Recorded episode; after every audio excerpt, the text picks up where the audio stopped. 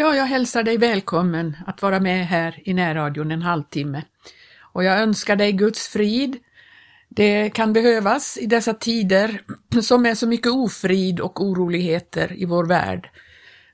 Jag eh, tänker också på att vi nu har kommit in i den här tiden inför julen som kallas för adventstiden. Och det är ju en tid, det kan innebära mycket stress och mycket uh, olika saker som man förbereder denna julhelg. och det är ju en högtid som vi brukar uppmärksamma Jesus, att han kom till jorden. Och det är ju inte fel att uppmärksamma detta, även om den stora, eh, den stora saken att han kom till jorden är ju lika stor året om.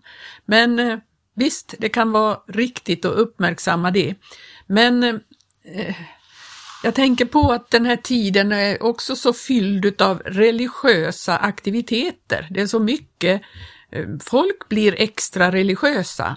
Man går i kyrkan, man lyssnar på adventssalmer och det är en massa olika sätt som man försöker göra. Och så tycker man att man är en god kristen när man gör det. Det är väldigt många människor som inte förstår skillnaden på religiositet och frälsning och liv. För eh, visst är det stort att Jesus föddes till den här jorden, men det största är ju att han, eh, att han levde här och tog vår synd på sig och bar dem upp på korset på Golgata och att han uppstod till ett nytt liv och genom detta verk han gjorde på Golgata så finns det frälsning för dig och mig. Och denna frälsning innebär att du och jag kan få ta emot nytt liv. Vi får börja om på nytt och eh, tillhöra Jesus som gav sitt liv för oss. Vi får mm. överlämna vårt hjärta till honom. Det är så viktigt att vi gör det. Eh, och att vi tar emot den frälsning som han erbjöd eh, och erbjuder oss. Och den som inte gör det utan litar på sin religiösa aktivitet och tror att man genom den blir from och att man passar för himmelen, då har man kommit helt fel, då har man missat och inte förstått frälsningen från Gud. Därför så ska jag idag läsa några rader ur en bok som en liten häfte av Oswald J. Smith eh, som heter Frälst eller förlorad. Och det tycker jag är en fråga som vi, varje människa måste ställa sig inför. Är, om är jag frälst? Har jag tagit emot frälsningen? Därför du och jag kan inte åstadkomma någon frälsning för oss själva genom några fromhetsövningar eller genom att vara lite lagom religiös. Därför är det väldigt viktigt att man fattar och förstår det oerhörda verk Jesus gjorde och att han, han erbjuder oss frälsning. För det är bara genom hans erbjudande som du och jag kan bli frälsta och bli, bli färdiga för himmelen genom det verk som han gjorde för oss. Och det är det som är det stora med Jesus, det är att han bar all vår synd på Golgata och att han erbjuder oss sin frälsning idag. Vi börjar att läsa i den här boken. Jag vet inte hur mycket jag hinner läsa, men vi, om vi inte hinner allt så fortsätter jag nästa gång. Den här boken heter alltså Frälst eller förlorad av Oswald J. Smith. Och det börjar så här, endast en väg. En bankdirektör och en affärsman satt mitt emot varandra på direktörens kontor. Ivrigt och under stort allvar talade affärsmannen om Jesu lidande och död för oss. Plötsligt avbröt bankiren honom. Orimligt, löjligt, dårskap, utbrast han med ett hånleende. Varför? frågade affärsmannen. Varför? Hur kan ni, en intelligent människa, fråga varför? Vilken dårskap! Direktören skrattade hånfullt. Ja, min herre, fortsatte affärsmannen, jag frågar er varför. Menar ni verkligen att Jesu död på korset kan tillfredsställa Gud? Om jag ska bli frälst så måste det ske genom mina egna ansträngningar. Förtretad stampade den stolte bankiren med foten i golvet. Nu förstår jag, sa affärsmannen. Nu begriper jag vad felet är. Ni tror att ni kan åstadkomma er egen frälsningsväg och så förkasta Guds väg. Vad menar ni? frågade direktören. Hör på, blev svaret. Antag att en man kommer till er och säger Jag har kommit i en svår situation och skulle vilja låna en summa pengar. Vem har i ett sådant fall rätt att ställa villkoren? Ni eller han som behöver er hjälp? Naturligtvis inte. Ja, naturligtvis jag. Innan jag utfärdar lånet så måste mannen givetvis gå med på mina villkor. Alldeles riktigt. Men nu är er situation precis densamma som mannens. Ni är en fattig, behövande syndare, arm och förlorad. Gud är den store bankiren. Ni måste komma till honom för att få hjälp och barmhärtighet och inte menar ni väl att ni har rätt att inför Gud bestämma villkoren för den frälsning ni behöver? Nej, men jag har aldrig sett saken på det viset förr, utbrast bankiren rörd. Naturligtvis kan jag inte föreskriva Gud några villkor. Endast Gud har rätt att ställa villkoren. Men ändå har ni försökt att följa er egen väg och glömt att en tiggare inte har rätt att diktera villkoren utan måste acceptera dem som föreläggs honom. Gud har hela tiden erbjudit er frälsning enligt sin egen plan. Är ni nu villiga att överge era egna planer och erkänna Guds? Ja, det är jag. Må Herren förbarma sig över mig, svarade den nu förödmjukade bankiren medan ljuset strömmade in i hans själ. Min vän, hur är det med dig? Har du försökt att åstadkomma din egen frälsningsväg? Det finns endast en väg och det är Guds väg genom Jesus Kristus. Ingen religion kan frälsa. Hur är det med er själ? frågade en brittisk adelsman, grevinnan Cherkov av Ryssland. Det är en sak som angår min biktfader och Gud, svarade den förnärmade damen. Var hon inte medlem av den grekisk-ortodoxa kyrkan? Hade hon inte gett stora summor till kyrkans verksamhet? Trodde inte hon på och praktiserade hon inte kyrkans läror? Var hon inte en trogen gudstjänstbesökare? Varför skulle hon då oroa sig för sin själ? Den saken angick henne inte. Det var kyrkans plikt att frälsa hennes själ. Min vän, kanske också du förlitar dig på medlemskapet i en kyrka. Låt mig tala om för dig att ingen religion kan frälsa. Du kan tillhöra vilken kyrka som helst och ändå gå förlorad. Frälsningen finns endast i Jesus Kristus. Religionen kan inte föda dig på nytt och för att bli frälst måste du bli född på nytt. Nikodemus, en av judarnas rådsherrar, var religiös, men han var inte frälst. Därför sa Jesus till honom, om en människa icke blir född på nytt så kan hon icke få se Guds rike. Min vän, om religionen inte kunde frälsa Nikodemus, hur kan den då frälsa dig? Har du hört talas om en mer religiös människa än John Wesley, metodismens grundare? Han var präst i engelska kyrkan men ändå inte frälst. Länge betraktade han sig själv som en kristen eftersom han var religiös, läste sin bibel, bad och gick till kyrkan. Han har själv berättat hur han använde två timmar varje dag för meditation och bön. Han gick till nattvarden och bad om inre helighet. Varje onsdag och fredag fastade han. Han var en tid missionär bland indianerna i Amerika och predikade evangelium för dem. Men John Wesley var ändå inte frälst. En dag utropade han Vem ska frälsa mig? Vilken bekännelse! Hans syfte med att bli missionär, sa han, var att frälsa sin egen själ. Vilken tragik! Han var präst i ett kristet samfund, djupt religiös, men ändå ofrälst. Kanske också du litar på religionen som frälsningsgrund. I så fall har du kastat ditt ankare på en falsk grund. Du har ännu inte lärt känna Kristus. Om religionen kan frälsa, varför måste då Jesus dö? Nej, min vän, Det finns bara en som kan frälsa oss och det är Jesus Kristus. Ingen moral kan frälsa.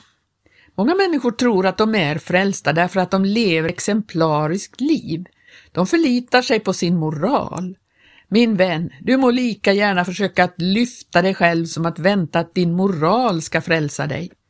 Om du kunde komma in i himlen genom dina egna ansträngningar så skulle du kunna ropa Se på mig! Jag har kommit hit på grund av mitt goda liv. Tack vare min moraliska förträfflighet släppte Gud in mig. Jag behövde inte Jesus utan klarade mig själv. Men nej, min vän, ingen ska kunna avlägga ett sådant vittnesbörd, ty ingen kan leva så bra att hans liv tillfredsställer Guds krav. Bibeln säger All vår rättfärdighet var såsom en fläckad klädnad. Och ingen rättfärdig finns, icke en enda. Alla har ju syndat.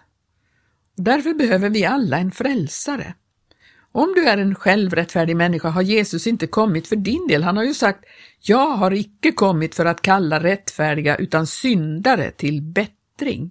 Om du anser dig vara rättfärdig på grund av egna förtjänster behöver du inte Kristus. Jag tackar dig Gud för att jag inte är så som andra människor, rövare, orättrådiga, äktenskapsbrytare, ej heller så som denne publikan, sa den egenrättfärdige farisén. Men publikanen stod långt borta och ville inte ens lyfta sina ögon upp mot himmelen, utan slog sig för sitt bröst och sa Gud misskunda dig över mig syndare. Du vet väl att du är orättfärdig. Du skulle inte vilja att någon läste dina tankar. Men hur tror du det skulle vara att stå inför den helige Gudens ansikte? Du kan gärna säga mig att det inte finns något damm i det rum där du är, men släpp in solljuset. Är det dammfritt? Nej, miljoner och åter miljoner dammkorn. Du kanske menar att du är rättfärdig, men vänta ett ögonblick. Släpp in Guds rena och genomträngande helighet i ditt hjärta. Hur är det nu? Jo, orättfärdighet, orenhet och synd i varje vrå. När Herrens helighet genomlyste profeten Jesajas liv utropade han Ve mig! Simon Petrus sa Jag är en syndig människa. Dessa män kunde inte längre åberopa sin goda moral och oförvitlighet när de fick ett möte med Gud. När de såg Herren så såg de också sig själva. Den självrättfärdiges vittnesbörd är i regel detta. Jag har alltid varit en gudfruktig och religiös människa. Jag har försökt att leva ett ärligt och moraliskt liv. Gentemot andra människor har jag alltid försökt att följa den gyllene medelvägen. I hemmet har jag gjort mitt bästa för att vara en god make och far och jag har i vissa avseenden misslyckats, men då har det blivit så trots mina uppriktiga ansträngningar. Det låter bra, gör det inte? Men ändå är det ett bedrövligt vittnesbörd. Allt kretsar kring jag. Han talar om sin egen ärlighet och moral och sina ansträngningar. Var är Kristus? Hans namn nämns inte. Den självrättfärdige talar om sig själv som en religiös människa men säger inte att han är frälst. Han nämner inget om den nya, den nya födelsen och inte ett ord om att han har tagit emot Jesus som sin frälsare. Han försöker att vara sin egen frälsare och grundar sitt hopp på sin personliga moral. Vilken falsk grund! Min vän, försöker du också att åberopa din egen rättfärdighet? Om du jämför dig själv med andra kommer du kanske i ett fördelaktigt ljus. Men om du mäter dig med Guds mått så kommer du till korta. Gud fordrar en fullkomlig rättfärdighet. Det finns bara en som äger den, nämligen Jesus Kristus. Om du låter dig klädas i hans rättfärdighet så kommer Gud att erkänna dig. I annat fall blir du dömd. Din egen rättfärdighet kommer aldrig att godkännas av Gud. Du må göra ditt bästa, men ditt allra bästa duger inte när Gud inspekterar. Men har du verkligen gjort ditt bästa? Du vet så väl att det inte är sant. Många gånger skulle du ha kunnat göra det ännu bättre. Det betyder att du inte har gjort ditt allra bästa. Ingen gör det. Var nu ärlig och se sanningen i vitögat. Du kan helt enkelt inte göra ditt allra bästa och det vet du mycket väl. Därför, min vän, behöver du Kristus. Endast den rättfärdighetsklädnad som han har berett åt dig kommer att godkännas av Gud. Gör som den förlorade sonen. Kasta av dig dina smutsiga trasor. Låt Gud kläda dig i sin fläckfria mantel. Åberopa hans rättfärdighet och inte din egen. Gärningar kan inte frälsa. Massor av människor tror att de kan bli frälsta genom goda gärningar. De praktiserar botövningar och självförsakelse, de delar ut allmosor och beder, de besöker sjuka och fängelseinterner. På detta sätt tror de att de ska komma till himlen. Hur mycket kunde den döende rövaren göra för att bli frälst? Några gärningar kunde han inte åstadkomma, ty båda hans händer var naglade vid korset. Han gjorde inte en enda god gärning, men Jesus frälste honom ändå. Människan betonar ordet göra, medan Gud lägger betoningen på gjort. Människan insisterar på att göra något eller betala något och söker meritera sig. Gud säger att det redan är gjort och att inget mer återstår att göra. Jesus har gjort allt som skall göras. Frälsningen är en gåva. Den gåva som Gud av nåd giver är evigt liv i Kristus Jesus vår Herre. Vad kan vi göra för att få en gåva? Om vi har något för den eller betalar för den är det inte en gåva. En gåva har vi inga krav på och så är det med Guds frälsning.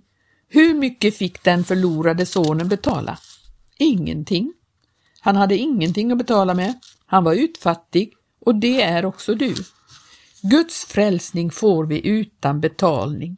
Den kan inte förvärvas genom goda gärningar. När jag var i Indien såg jag så kallade heliga män som arbetade på sin frälsning.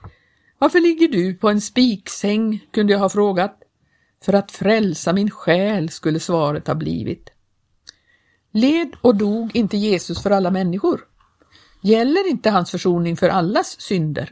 Naturligtvis. Men varför ska man då försöka att åstadkomma ett tillägg till Kristi fullbordade verk? Lyssna till Guds ord, hur tydligt är det inte?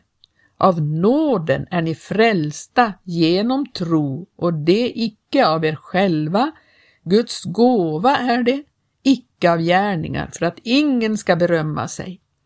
Icke på grund av rättfärdighetsgärningar som vi hade gjort.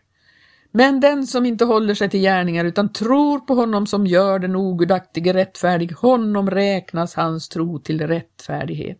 Det här var Efesierbrevet 2, 8 och 9 och Titus 3 och 5 och Romarbrevet 4 och 5.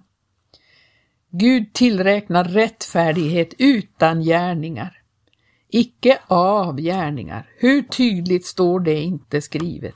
Det är således inte fråga om något som vi kan åstadkomma, det är Kristus endast som frälsar oss. O, om du ville komma till honom och förlita dig på hans fullbordade verk på Golgata. Tro på honom just nu och bli frälst.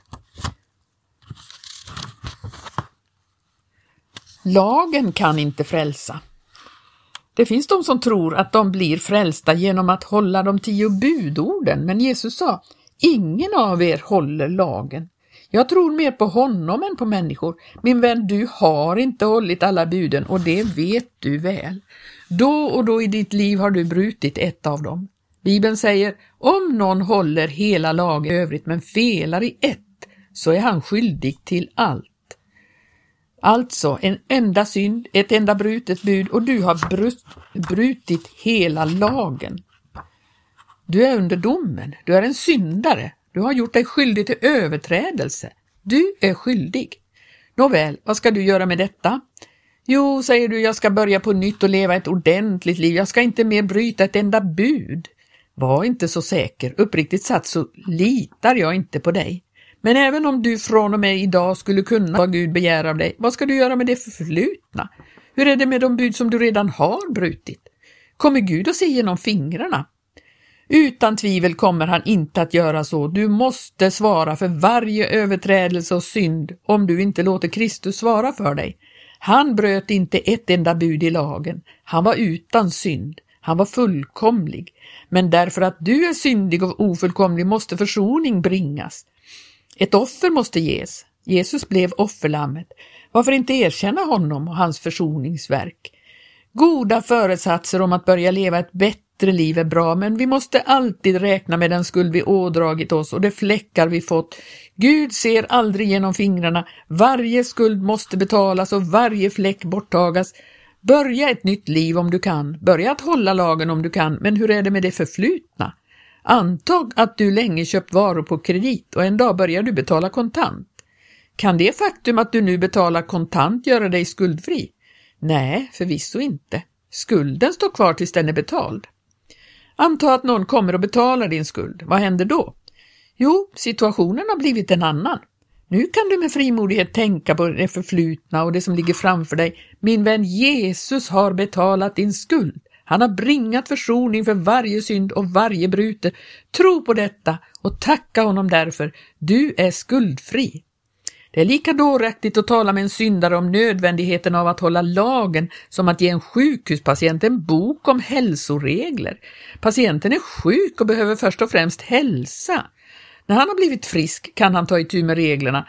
Du är också sjuk i en dödlig sjukdom. Du behöver bli fri från din sjukdom och bli frisk. Kristus har tagit på sig din sjukdom, han tog din synd och bar den i sin kropp på korset. Nu erbjuder han dig liv och hälsa, evigt liv. Kristus är den som kan frälsa. Det finns bara en som kan frälsa dig och det är den uppståndne och levande Kristus som sa Jag är vägen. Ingen kommer till Fadern utom genom mig. Jag, Jesus Kristus. Det finns ingen annan väg. Ingen religion, ingen moral, inga gärningar eller annat kan frälsa oss. Jesus är den enda frälsaren. Jesus är vägen, inte vägvisaren. Ingen kommer till Gud utom genom Jesus Kristus. Vägen till Gud går inte genom Moses eller någon av historiens religionsgrundare. Den går ej heller genom någon predikant, präst eller påve.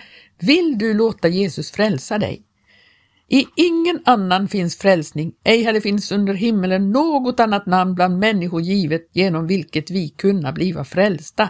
Hur tydligt? Det finns inte något klarare påstående i Bibeln. Frälsning fås inte genom någon annan än Jesus. Du ska giva honom namnet Jesus, ty han skall frälsa sitt folk från sina synder, dina synder.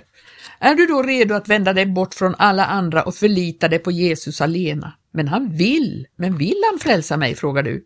Hans egna ord är dessa. Den som kommer till mig, honom skall jag sannerligen inte kasta ut. Gud vare tack för en sån frälsare. Frälsningen är en gåva, men du måste ta emot gåvan. Jag kan erbjuda dig ett glas vatten, men du måste räcka ut din hand och ta emot glaset. Läkaren kan skriva ut bra medicin för dig, men den gör ingen nytta om du inte tar den. Du måste ta emot Jesus Kristus om du vill bli frälst. Åt alla dem som tog emot honom gav han makt att bli Guds barn. Endast de som tar emot Jesus blir Guds barn. Ingen har hittills blivit frälst på något annat sätt. Vi måste bestämma oss för allt annat i livet, så också med frälsningen. Vi måste handla. Ett val är nödvändigt. Därför, välj nu, ta emot Kristus nu. Kom ihåg att det är skillnad på att tro med huvudet och ta emot i hjärtat. Du tror att hissen kan lyfta dig men den lyfter dig inte förrän du har stigit in i den. Du tror att tåget kan föra dig till en viss plats dit du vill fara men du kommer inte dit förrän du har tagit plats på tåget. Du tror att Jesus kan frälsa men du blir inte frälst förrän du har tagit emot honom i ditt hjärta och förlitat dig på honom. Bibeln säger förlita dig på Herren Jesus och du ska bli frälst.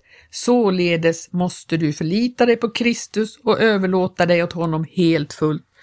Du vet att du bör bli frälst, men du skjuter avgörandet på framtiden. Hos Gud är det alltid frågan om nu.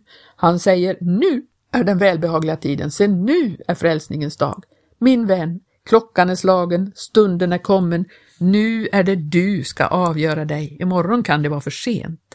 Beröm dig inte av morgondagen, ty du vet icke vad en dag kan bära i sitt sköte. Vad du än gör, skjut inte ditt beslut på framtiden. Motta Kristus nu. Just nu kan det eviga livet bli ditt. Om Satan lyckas övertala dig kan du gå förlorad för evigt. Kom därför och acceptera Guds frälsning just nu. Sök Herren medan han låter sig finnas och kalla honom medan han är nära. Det kommer en stund när han inte låter sig finnas, därför bör du motta honom nu. Vill du det?